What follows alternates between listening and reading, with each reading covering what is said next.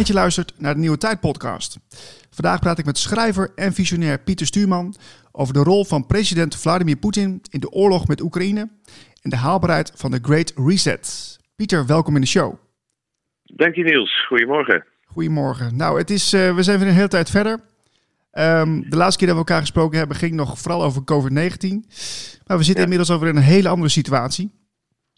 Mm -hmm. um, Zo lijkt het. Ja, ja, ja, ja precies. Dus ja, we zijn begin dit jaar verzeld geraakt in een um, situatie waarin de onzichtbare vijand uh, achter ons uh, konden laten. Dan hebben we het over COVID-19. Mm -hmm. En die, vervolgens hebben we die ingeruild voor een zichtbare vijand. Dat is dan Rusland. Ja, ja, Poetin, het grote monster. Ja, dat wordt gezegd, hè? Ja. Ja, dat, dat, dat, uh, zo wordt het in ieder geval hier verkocht, hè, het verhaal. Uh, er wordt een, een heel gesimplificeerd verhaal aangeboden van een verhaal van goed en kwaad. dat ook inspeelt op een bepaalde behoefte bij mensen. Hè, behoefte om je te etaleren als als deugdzaam mens. En uh, nou, uh, niks is dan makkelijker dan een heel eenvoudig en gesimplificeerd verhaal. Waarbij je uh, een vlaggetje op je, een Oekraïns vlaggetje op je, op je Facebook-account kunt zetten. En je hoort bij de goeie. Hè? Dat is heel aantrekkelijk voor mensen. En daarop wordt dan ook deze campagne gebaseerd. Ja, want wat nu er bij verschillende media ja, een soort beeld ontstaan van, van de president van uh, Rusland, hè, Vladimir Poetin, als een soort held, uh, strijdend tegen de corrupte NAVO, uh, de Europese Unie en Oekraïne met Zelensky. maar ja, in, in hoeverre kun jij met dit, met dit beeld ingaan? Nou ja, het, het, het, is een, het karikaturaal beeld natuurlijk. Hè. Ik bedoel, uh, uh, Oekraïners zijn of uh, slachtoffers of zijn helemaal rechtschapen. er worden zelfs Oekraïners uit de gevangenissen gelaten in Nederland om te gaan strijden voor het vaderland. Allemaal heel heroïs en zo. Maar het is natuurlijk een, een, een karikaturaal en, en en uiterst gesimplificeerd beeld. De werkelijkheid zit, zit echt heel anders in elkaar. Dit is een, een geopolitiek, een, een, een internationaal politiek ehm, strategie die uit wordt gerold en die heeft bepaalde bedoelingen. Ja. En dat, dat zijn andere bedoelingen dan ons verteld wordt via de, de reguliere media, Niels. En dus ja, ik, ik, ik zie dat toch, uh, uh, toch wel heel erg anders. Ja, we gaan, we gaan in deze podcast even uh, met elkaar toch een beetje bekijken van wat is nou de rol van, van Poetin en, en hoe moeten we dat nou begrijpen vanuit een breder perspectief. Um, ja. en, en ik heb hier een fragmentje van de World Government Summit. Die is gehouden in Dubai 29 en 30 maart. Uh, dat is eigenlijk een bijeenkomst van, van de, de, de, de leiders, de experts in de wereld die, um, ja, die natuurlijk met ons meedenken naar een betere toekomst. Uh, ik ga even een fragmentje laten horen, um, nou, zodat, de mensen een beetje een indruk krijgen wat, uh, wat het is en waar het over ging, dit, uh, deze bijeenkomst. The world as we know it has changed. Altering our current path to the future requires a strong and proactive leadership. The global economy is in transition. Now is the time to come together as governments, as nations, as people. Putting nature at the heart of how we innovate will make us ready for the final frontier. Putting people at the heart of robotics will create a better tomorrow between AI and society. The World Government Summit will enable nations to come together and take accountability. We cannot continue to destroy our environment. We are here to shape the future. Build a better tomorrow by taking action here and now.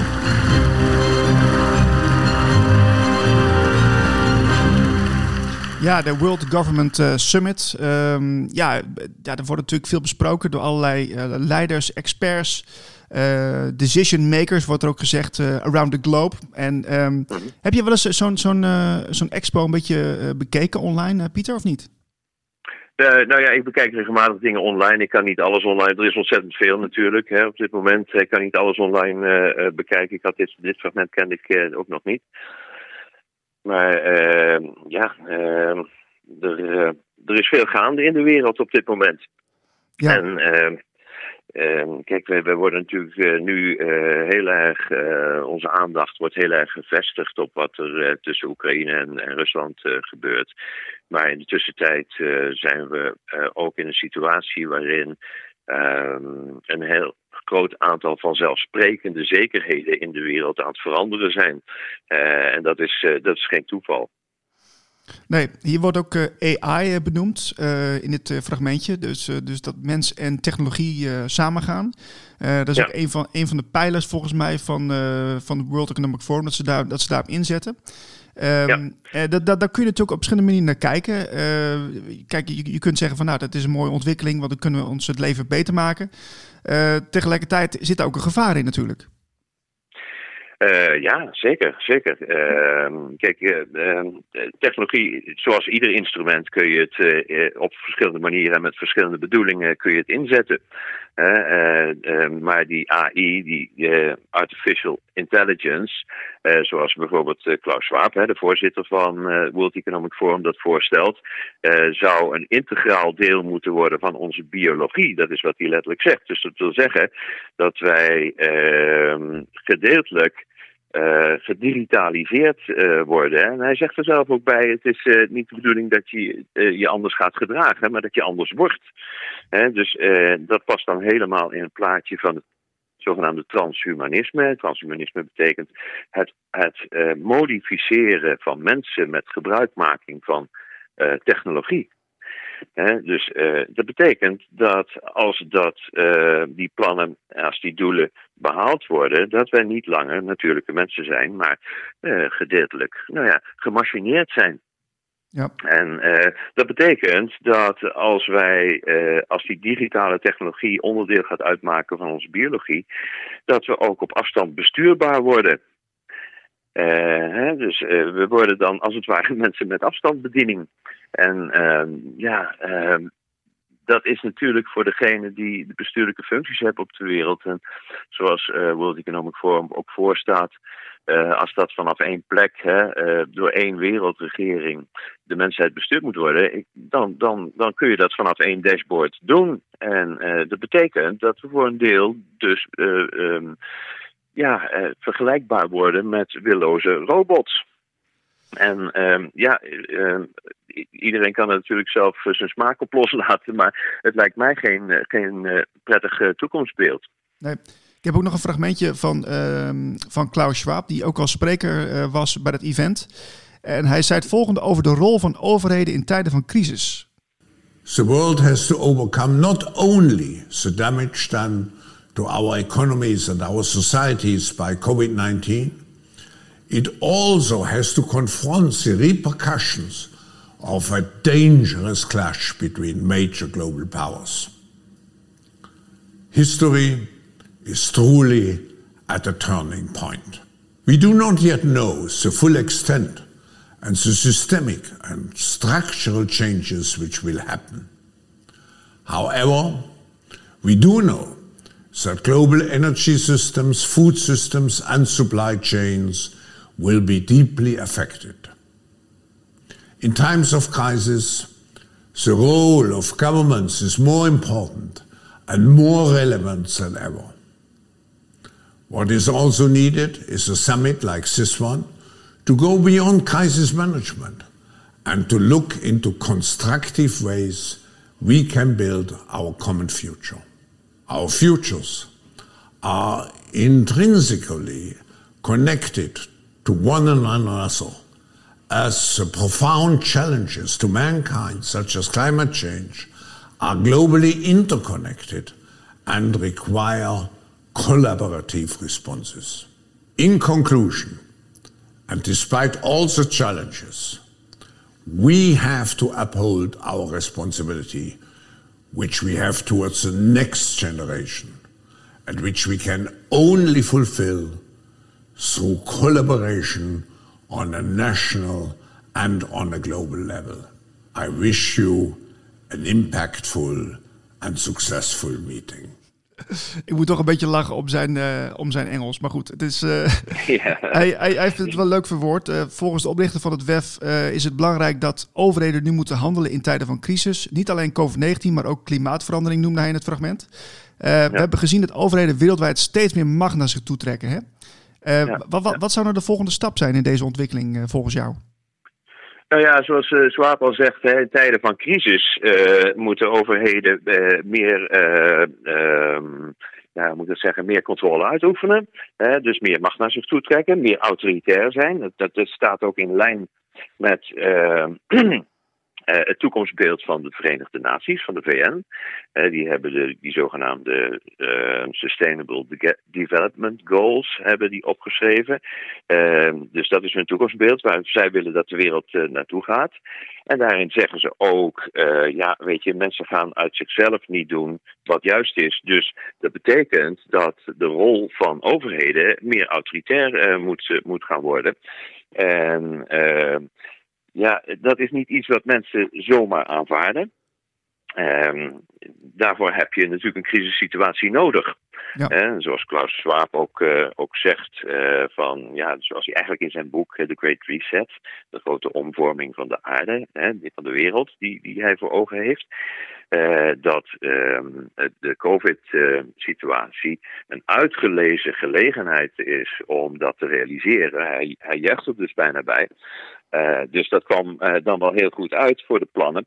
Uh, maar je zou het ook om kunnen keren. Je zou kunnen zeggen van nou, wil je de wereld ingrijpend veranderen, dan moet je een crisis organiseren. Dan moet je zorgen dat er een crisis komt. En we hebben natuurlijk met COVID gezien, die crisis maakte het mogelijk voor overheden om ongekende maatregelen te nemen en om ongekend veel macht en zeggenschap naar zich toe te, te trekken. Voor de coronasituatie zou het letterlijk onmogelijk geweest zijn voor een regering in bijvoorbeeld Nederland of in al die andere landen waar hetzelfde is gebeurd.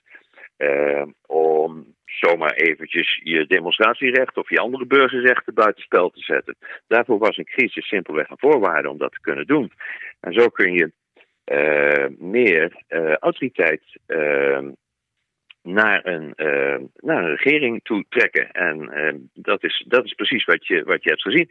Uh, nou, als je nou gaat kijken wat de plannen zijn en hoe die nieuwe inrichting, die gewenste inrichting van de wereld er dan uitziet, dan zijn we daar nog niet. Dus dat betekent dat er meer crisissituaties nodig zijn om dat te kunnen realiseren. Nou, je ziet dat de, nu, nu, nu het hele coronaverhaal even in de ijskast wordt gezet, zodat iedereen zijn zijn uh, aandacht richten op Rusland en Oekraïne.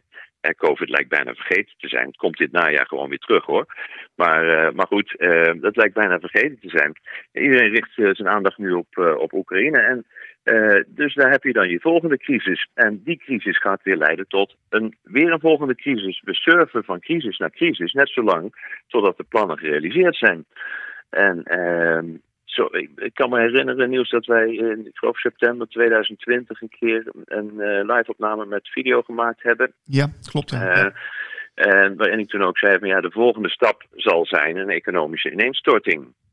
Uh, ineenstorting van de wereldeconomie, waardoor mensen ehm, ehm, niet meer in hun levensonderhoud kunnen, kunnen voorzien. Hè? Dus totale ontreddering van hele bevolkingen. Ja. En uh, ja, dat is dan een nieuwe overmachtssituatie die weer nieuwe uh, maatregelen mogelijk maakt die onder normale omstandigheden uiteraard niet, uh, niet aanvaard zouden worden. Maar weet je, als het, als het, als het de levensvatbaarheid van mensen in het gedrang komt, dan zijn ze bereid tot het brengen van verregaande offers. Ja.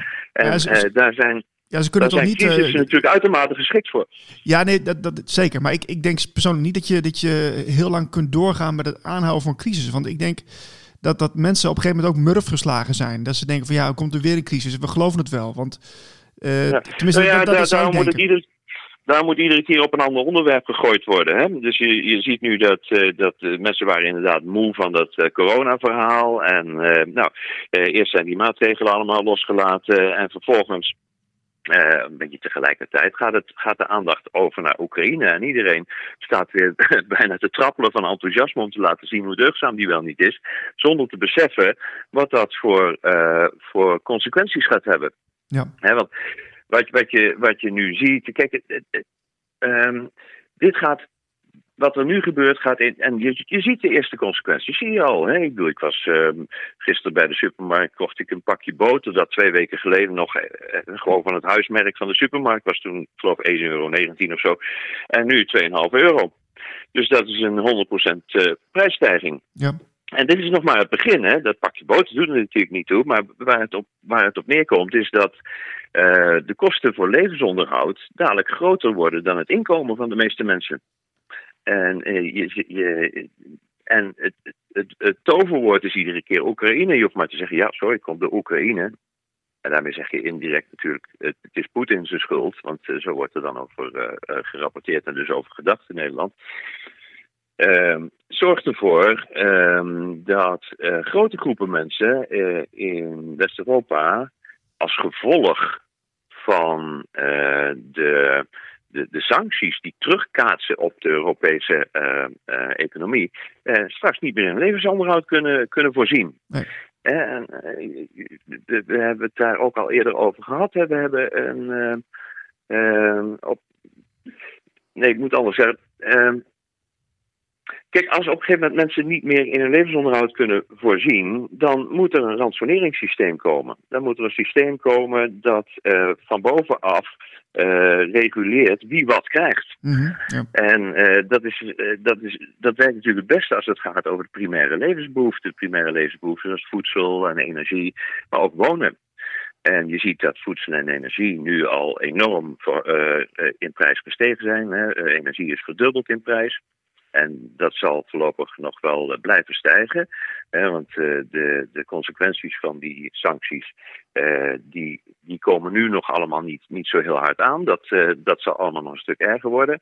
Um, en hetzelfde geldt voor de prijsstijging van voedsel. Als je weet dat in Nederland al 1 miljoen mensen onder de armoedegrens leven en nog eens 2 miljoen vlak daarboven, dan, dan zul je begrijpen dat grote aantallen gezinnen straks simpelweg het hoofd niet meer boven water kunnen houden. En dat rechtvaardigt dan weer een nieuwe ingrepen. Ja, ja. En uh, zo ga je van crisis naar crisis. Ik wil even... en, en iedere keer heb je weer een nieuw onderwerp. Ja, precies. Ik, ik wil even met jou naar, um, uh, naar, naar, naar, de rol van Poetin. Hè? Want uh, Klaus Schwab vertelde in een interview dat hij ook onderdeel is van de Young Global Leaders van de World Economic Forum. Dus hij is ja. op dezelfde manier gevormd als staatsman, zou je kunnen zeggen. Um, maar is, is, is Poetin volgens jou nog steeds onderdeel van het WEF of, of staat Rusland daar weer buiten? Nou ja, dat is natuurlijk een vraag die je veel hoort. Hè? Ik bedoel, kijk, de, de, de wereld, of in ieder geval Nederland, is, uh, is verdweeld weer in, in twee kampen. Zij die geloven dat uh, Poetin de grote boosdoener is. En dat uh, Oekraïne en Zelensky, nou ja, zo'n beetje het toppunt van nobelheid zijn. Hè? Ik, ik weet niet of je gezien hebt die toespraak die, die Zelensky gehouden heeft via een videoverbinding in de Tweede Kamer. Ja, ja, ja, ja, ja. Ja, ver, eh, verbijsterend nou ja, hoor. Bedoel, verbijsterend. Ja, het is verbijsterend. Ik bedoel, kijk, de, bij hele belangrijke onderwerpen van de afgelopen twee jaar uh, was de Kamer hooguit voor een derde gevuld. En nu komt uh, Zelensky een toe, uh, toespraak houden en de voltallige Kamer was zo goed als aanwezig. Uh, wat mij ook opviel is dat Zelensky voortdurend vergelijkingen maakt tussen de Tweede Wereldoorlog en daarbij ook bijvoorbeeld de term uh, tribunalen gebruikt. Iets waarop uh, Forum voor Democratie keihard werd afgerekend. En waarop zelfs uh, de Kamervoorzitter Vera Bergkamp de microfoon voor Forum voor Democratie dichtdraaide. en nu tegen diezelfde vergelijking uitgesproken door, door Zelensky een staande ovatie. Mm. ik bedoel, ja, um, hypocrieter dan dat kun je het haast niet voorstellen. maar goed, um, um, uh, ja, is, zit Poetin in het complot? Dat is eigenlijk de vraag die hij stelt. Hè? Maar Ja. wat je nu ziet is dat, dat heel veel mensen denken van... ja, luister, dit klopt niet. Het is eigenlijk een beetje vergelijkbaar met de situatie eh, die we hadden met het COVID-verhaal. En die, eh, die het verder gaan uitzoeken en die, eh, die zeggen... ja, luister, dit, die speelt iets anders hier. eh, is, is, is, is, eh, hè, dit, dit, is, eh, dit is niet wat het lijkt eh, te zijn. En dat geldt natuurlijk ook voor deze situatie. En je ziet nou dat, uh, de, dat Nederland verdeeld is in twee groepen. Eén die uh, Poetin als het grootste monster zien. En de andere die zeggen van nee, luister, uh, de agressor is het Westen.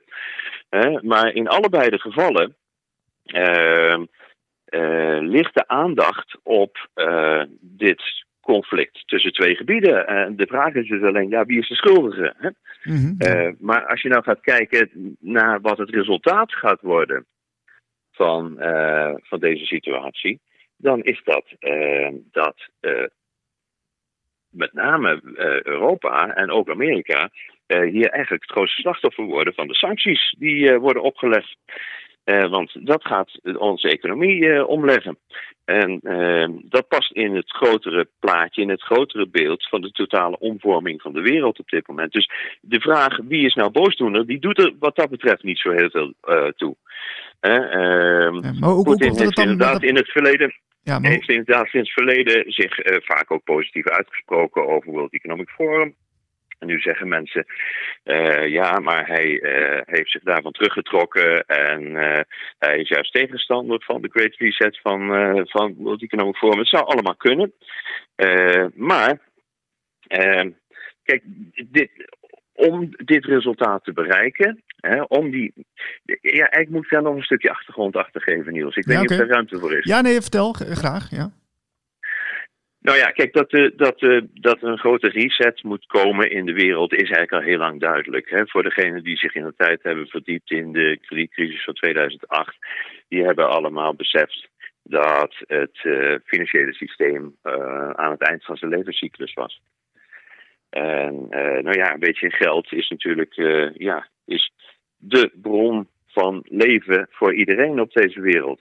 en zonder geld uh, ja, kun je simpelweg het hoofd niet boven water houden. En uh, als dat systeem omvalt, ja, dan wordt het natuurlijk heel moeilijk. Dus er was een, groot, er was een grote reset, was inderdaad noodzakelijk. En daar is heel stelselmatig op aangestuurd de afgelopen, nou ja, laat maar zeggen, 14, 15 jaar. En dit is, wat er nu gebeurt, moet de genadeslag zijn voor, het, voor de oude systematiek. Uh, en daarmee meteen een opening bieden voor uh, het invoeren van een totaal nieuw systeem. Een systeem dat niet meer gebaseerd zal zijn op geld.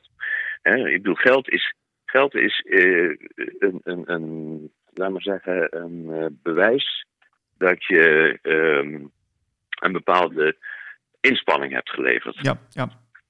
Hè, dus, en daarmee krijg je een tegoed uh, dat je vrij kunt besteden aan de resultaten van inspanningen van anderen. Dat is ongeveer de definitie van geld.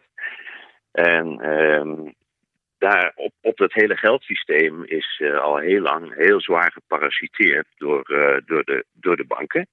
Ehm, het is een beetje een technisch verhaal, dus ik probeer het een beetje, ja, ja, dat is goed. een beetje, be beetje begrijpelijk te maken. En, ehm, kijk, we, we, we, hebben op dit moment een totale schuldenberg in, uh, in de wereld van 300.000 miljard, Niels. Jongen, jongen.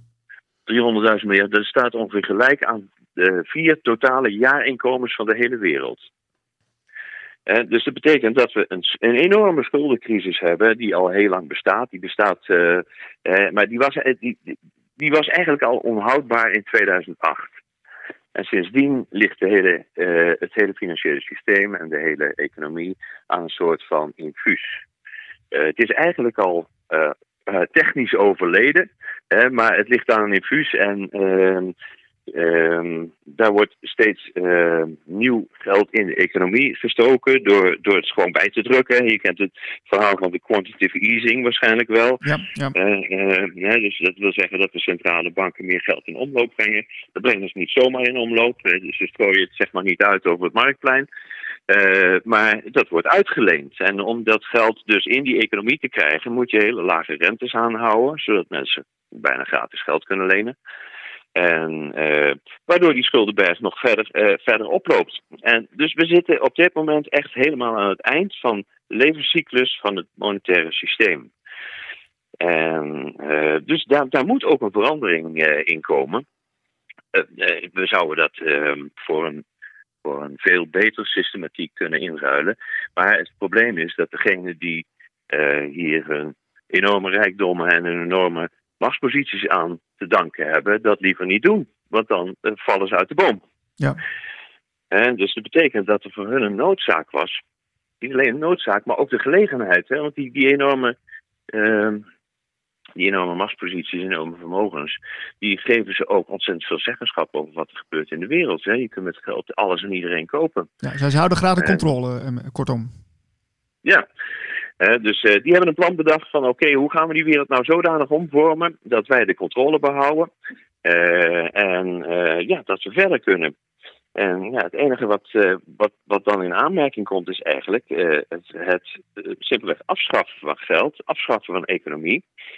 economie is een systematiek waarin mensen onderling waarden uitruilen met elkaar. Mm het afschaffen daarvan en dat te vervangen voor een top-down, dus een autoritair ransoneringssysteem waarin het, waarin het uh, gezag bepaalt wie wat krijgt en onder welke voorwaarden. En ja, dat krijg je natuurlijk niet verkocht aan het publiek. Hè? Als je zegt van nou, weet je, nou, zonder crisis krijg je dat niet verkocht aan het publiek. Als je zegt, uh, nou, uh, lever alles maar in wat je hebt, lever al je vrijheden maar in. En voortaan gaan wij bepalen wat jij s'avonds eet en waar je woont. Ja. En uh, ja, dat gaan mensen niet accepteren. Daarvoor heb je dus die crisissituatie nodig. Een crisissituatie die het voor mensen onmogelijk maakt om nog te voorzien in hun eigen levensonderhoud. En dan kun je van bovenaf kun je, kun je uh, ingrijpen en zeggen: Nou, oké, dit is humanitair zo, uh, zo kwalijk. dat we nu geen andere keuze hebben dan een ransoneringssysteem op te zetten. En ja, de eerste tekenen zie je daar nu al van. Hè? als dadelijk. Uh, nee, even terugkomend op die rente nog. Kijk, het probleem is dat je, wat je nu ziet gebeuren, is dat uh, het levensonderhoud heel snel heel veel duurder gaat worden. Sowieso al heel moeilijk voor mensen om het ook boven water te houden.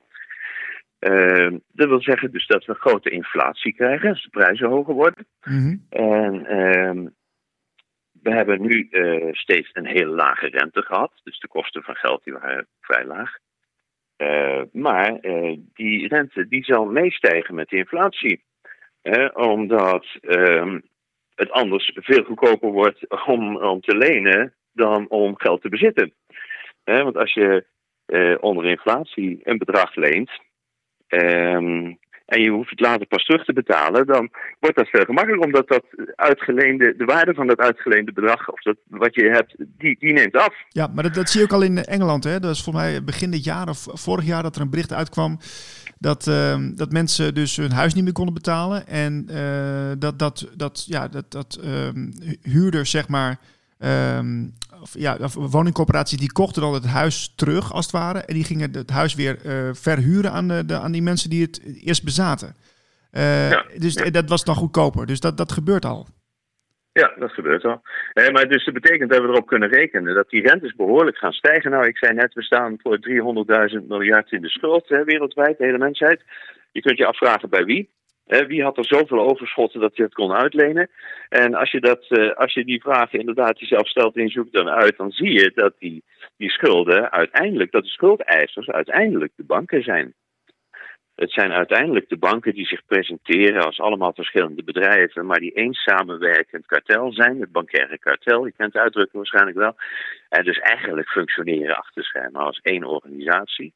En ja, weet je, als jij uh, um, als de hele wereld afhankelijk is van een bepaald middel en jij bent de enige die dat middel kan produceren, ja, dan geeft jou dat het totale zeggenschap over de wereld. En dat is de situatie waarin de banken op dit moment uh, uh, zitten.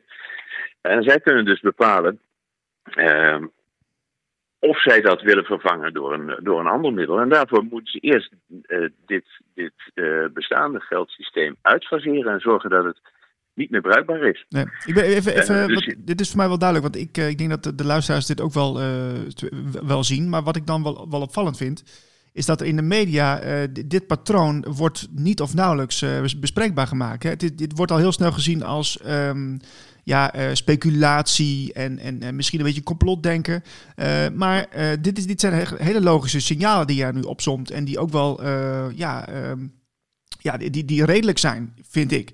Uh, maar uh, wat, ja. hoe komt het nou dan dat, dat andere media of andere mensen hier, hier, hier, niet in mee, hier, ja, hier niet in mee willen gaan? Dit is toch raar? Nou ja, meeste mensen weten het niet. Hè. Dat is één ding. En dat komt natuurlijk ook omdat de media er geen aandacht aan besteden. En de media, ja, die uh, hebben zich met name, dus ik denk dat veel mensen dat ook wel hebben gezien, die hebben zich met name de laatste periode heel zichtbaar opgesteld als verlengstuk van uh, de steeds meer autoritair wordende macht. Hè? Ik bedoel, ze hebben een zeer eenzijdig verhaal verteld over, uh, over de COVID-situatie. En ieder tegengeluid werd daar geweerd. Ehm, dus, en dat is natuurlijk ook niet helemaal onlogisch. Hè? Als je kijkt naar hoe, wie, wie, wie nou feitelijk die media in bezit heeft, dan, dan kom je uiteindelijk op een paar enorm grote mediabedrijven die daar uh, grote investeringen in hebben gedaan. En uh, ja, die gaan natuurlijk niet hun eigen uh, ruiten ingooien. Nee, maar ik, ik, dat, dat is de mainstream media. Maar ik, ik bedoel meer de, de, ook de vrije media die wij nu hebben. Hè. Dus de, de andere krant, Gezond Verstand, ja. maar ook bijvoorbeeld de Blue Tiger of, of Weltschmerz. Uh, die, die, die, zouden hier toch, die zouden dit patroon toch beter moeten kunnen zien. Want uh, kijk, dat, dat uh, de, de Klaus Schwab bestaat en, en de World Economic Forum, dat, dat weten we nu inmiddels wel. En wat ze voor ogen hebben. Maar dat, het patroon zien van de gevolgen daarvan hoor ik helemaal niet. Nee.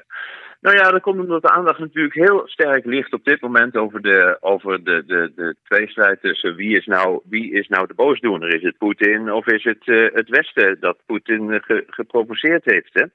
En uh, dus wat dat betreft is het een succesvolle campagne uh, van uh, aandachtafleiding. Hè, dus mensen hebben de neiging om hun aandacht te, te, vestigen wat op dat moment de realiteit is. En zien dan niet zo gauw meer wat, op, wat de langere termijn gevolgen daarvan van zijn. maar als je, naar, als, je, als je het vanuit een ander perspectief bekijkt, je bekijkt het vanuit wat gaat het resultaat hiervan zijn hè, eh, dan, eh, dan kom je op een ander beeld. En weet je, het is ook niet zo heel, heel erg moeilijk om het te zien, vind ik zelf. Eh, kijk, wat er, wat er natuurlijk gebeurd is, is dus heel bewust aangestuurd vanuit het Westen op een conflict met Rusland. Ik denk niet zozeer om Rusland een kopje kleiner te maken, maar om een crisissituatie te creëren die het mogelijk maakt de hele westerse samenleving om te vormen, waar we het net over gehad hebben. Ja want eh, ik bedoel, kijk, ah, stel je voor dat bijvoorbeeld uh, een buurland van, van de Verenigde Staten, laten we zeggen Mexico, hè, mm een, een pact aan zou gaan met Rusland. Een, een, een, een economisch en militair pact aan zou gaan met Rusland. Hè, wat de bedoeling is, dat er met Oekraïne nou gebeurt. Hè, die moet bij de NAVO komen en uh, bij de EU. Uh, stel dat dat zou gebeuren aan de grens van Amerika. Ja, dan hoef je toch niet hoogbegaafd te zijn om te begrijpen dat daar een reactie op zou komen. Ja, zeker. Ja, ja. en hetzelfde geldt voor, uh, voor Rusland. Hè. Uh, er zijn in de tijd afspraken gemaakt na de val van, uh, van, van de Sovjet-Unie. dat de westerse invloedssfeer niet verder op zou rukken naar het oosten. Nou, die, die afspraken, die, zijn, die beloftes, die zijn met voeten getreden. En nou, dan komen we bij de laatste stap. Hè, de Oekraïne aan de Russische grens. Ja, en op een gegeven moment kon Poetin zich simpelweg niet veroorloven om dit nog verder te laten gaan. En dat was. Uh, dat is uh, in, uh, de, bij de westerse beleidsmakers ook eh, duidelijk geweest. Ja. Dus dat betekent dat die wisten dat er een reactie zou komen. En die wisten ook dat er dan sancties zouden komen uh, tegen Rusland. En wat ze ook wisten is dat die sancties vooral invloed zouden hebben op de Europese economie. Want er wordt nu een beeld geschetst dat, uh, dat er om Rusland een soort cordon wordt gezet, waardoor het leven van Russen uh, onmogelijk gemaakt zou worden. Maar zo, dat is de werkelijkheid absoluut niet. in principe is ehm, uh, zijn de Aziatische landen, China en India bijvoorbeeld, maar eigenlijk de hele wereld behalve West-Europa, Australië, Japan en ehm, Amerika, Noord-Amerika, uh, de enige die, die zo reageren op, op de actie van Poetin. Ja, ja, maar nu, nu, hebben we dus, dat... ja, nu hebben we eigenlijk de, de tijdlijn die, die jij dus voorziet, hè, met, met alle gevolgen van dien, die hebben we nou voor een groot deel uitgezet. Nu zijn er ook heel veel mensen in de media die heel optimistisch zijn. Die zeggen, nou, het, het is bijna klaar. Jongens, uh, ruim de boel maar op. Uh, de elite is al lang uh, weg. we hebben, ja, het is al, de, de, de White Hats die hebben het gewonnen, wordt ook geroepen. Hè? En ja. het is nou alleen even wachten tot de laatste stuiptrekkingen zich hebben voltrokken. En dan, ja, dan gaan we gewoon naar een hele mooie nieuwe toekomst, Pieter. Waar, waar heb je nou allemaal over, joh?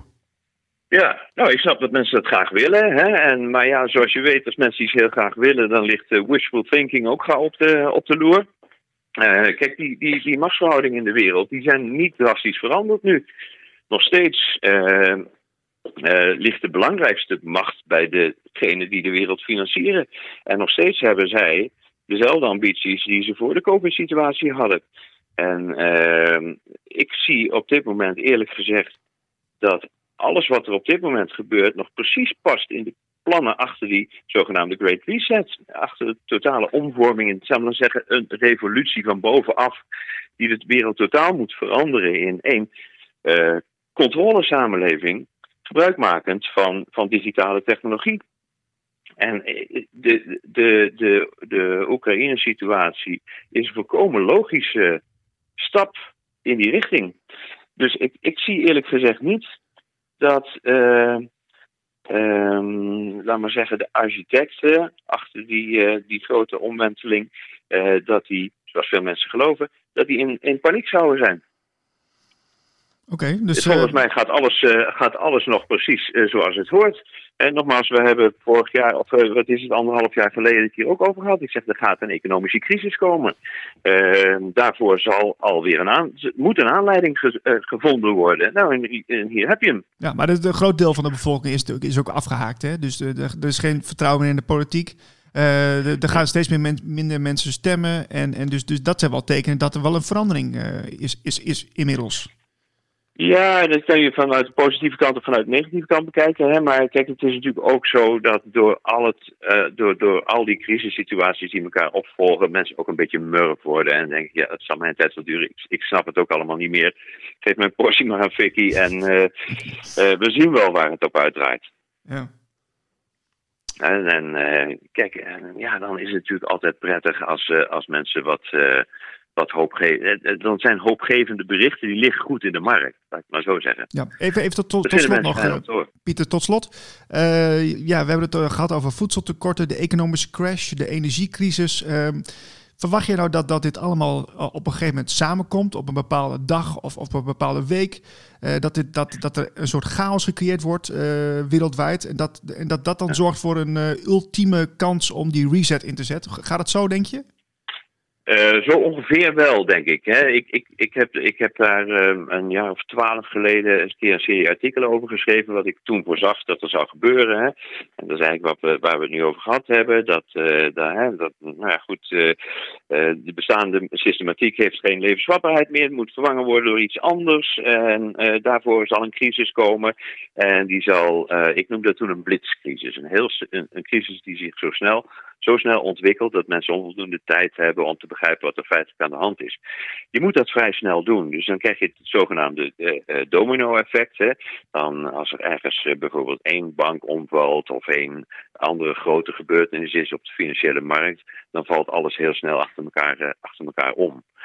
En nou ja, kijk, de, in, in, principe is die hele Oekraïne-crisis daar perfect geschikt voor als dadelijk um, wordt aangevoerd dat de energieprijzen. Uh, dat de energie zo schaars wordt als gevolg hiervan dat de energieprijzen uh, nou ja, verdubbelen of vervijfvoudigen, bij wijze van spreken, dan heeft dat natuurlijk zijn weerslag op alle producten. Uh, omdat alle producten uh, gemaakt worden door middel van energie. Er is energie nodig om al die producten te maken. En dan uh, als je een, een, substantiële groep hebt van mensen die dan niet meer kunnen wonen, niet meer kunnen eten, niet meer geen energie meer ter beschikking hebben. Dan rechtvaardigt dat een ingreep. Dan, dan, dan, dan zullen de Ruttes en, van, van deze wereld naar voren treden en zeggen van ja luister, weet je, dit kunnen we ons niet veroorloven. Hè, dat er nou ineens uh, de helft van de Nederlandse bevolking dadelijk op straat komt te staan. Dus we zullen nu drastisch moeten ingrijpen. Wij zullen, wij zullen het beheer moeten nemen over, uh, over de beschikbaarheid van, van die levensbehoeften. En uh, dat is de dat is dan de definitieve ommekeer, de definitieve stap richting uh, een ransoneringssamenleving, waarbij het gezag dus bepaalt wie wat krijgt en onder welke voorwaarden. En ze zullen het uitleggen en dan als... Zal er, dan, zal er ook, ja, dan zal er ook gezegd worden van ja, oké, okay, we, we kunnen het ons niet veroorloven nu dat degenen uh, die nog wel geld hebben weglopen met alle schaarse spullen. Dus we zullen alle, alle tegoeden moeten bevriezen voorlopig. Uh, wij zullen, uh, omdat mensen hun huizen niet meer kunnen bepalen, betalen, uh, zullen wij woonruimte gaan toewijzen. Dus dat betekent dat woonruimte ook geransoneerd wordt. En dat is deze week ook een nieuwe wet, of een, een eigenlijk een oude wet aangenomen, of afgestoft kan je beter zeggen. Dus de wet verplaatsing bevolking, die stamt uit 1952. En dat was eigenlijk nog uh, bedoeld voor, voor eventuele oorlogssituaties. Ik was toen pas zeven jaar na de oorlog. Uh, maar dat is een wet die het mogelijk maakt dat de overheid besluit uh, wie waar mag wonen. Dus die gedwongen uit je huis kunnen halen en ergens anders kunnen plaatsen. En ja, op 31 maart is die weer geactiveerd, die wet. En oh, wow. ja, op, ja, en op het, in het staatsblad, hè, waarin die wet dus uh, zeg maar gepubliceerd wordt, van 31 maart staat ook te lezen dat uh, ja, dat, dat vanwege de, de, de Oekraïnse vluchtelingen nu uh, gebeurt. Ehm, en dat, dat het noodzakelijk is om die, die wet weer in werking te stellen. Dus het woord noodzakelijk is hier het sleutelwoord. Hè, dus het betekent dat het ook ingezet zal gaan worden. Dus dan heb je alvast een juridische basis om woonruimte te gaan ransoneren. Eh, dus er komt gewoon een omslagpunt, een kantelpunt, uh, waarin, uh, waarin we overgaan van een economie naar een situatie van ransonering. En de bedoeling is dat dat nooit meer verandert. Jongen, jongen. Nou, ik, ik hoop nogmaals dat je niet gelijk krijgt. ik hoop het ook. Je, je, je, je schetst het wel heel erg logisch en goed te volgen. Maar uh, ja, kijk, de, wat ik wel vind, ik wil toch positief afsluiten. De, de mens is altijd flexibel en, en vindingrijk om, uh, om tot andere oplossingen te komen. En ik hoop ook dat dat uh, in deze situatie ook nog zal plaatsvinden. Maar er moet, wel, er moet er onder bevolking wel echt wel snel iets gebeuren. Ja, ja, zeker. Nou ja, goed, dat is het grote probleem. We hebben dat met de COVID-situatie natuurlijk ook gezien. uh, zolang uh, mensen nog kunnen blijven geloven dat ze aan de goede kant staan en dat ze deugdzaam zijn, en dan zijn ze bereid om veel offers te brengen, tot op het moment dat het uh, onomkeerbaar wordt. En ja, dat, dat mensen zelf gaan, gaan ervaren en voelen wat hun medewerking uh, heeft betekend. Wat voor resultaten en wat voor consequenties dat, uh, dat heeft. Maar uh, als het eenmaal zover is, wordt het wel moeilijk om terug te draaien.